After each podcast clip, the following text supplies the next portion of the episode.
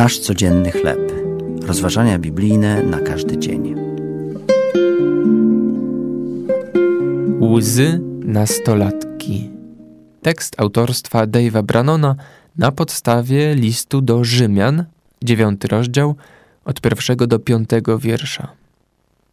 Gdy siedziałem z czterema nastolatkami i bezdomnym mężczyzną po dwudziestce, podczas posiłku na Alasce dotknęło mnie współczucie, jakie okazywali mu młodzi ludzie. Słuchali, gdy mówił o swoich przekonaniach, a potem delikatnie przedstawili mu Ewangelię, w pełen miłości sposób oferując mu nadzieję w Jezusie.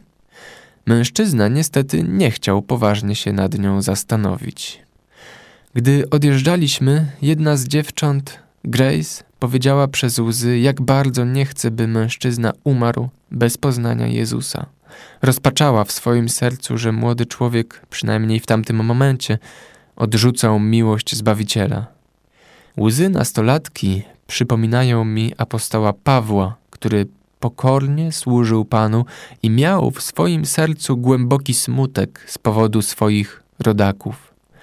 Pragnął, by zaufali Chrystusowi. Współczucie i troska apostoła musiały wielokrotnie doprowadzać go do łez.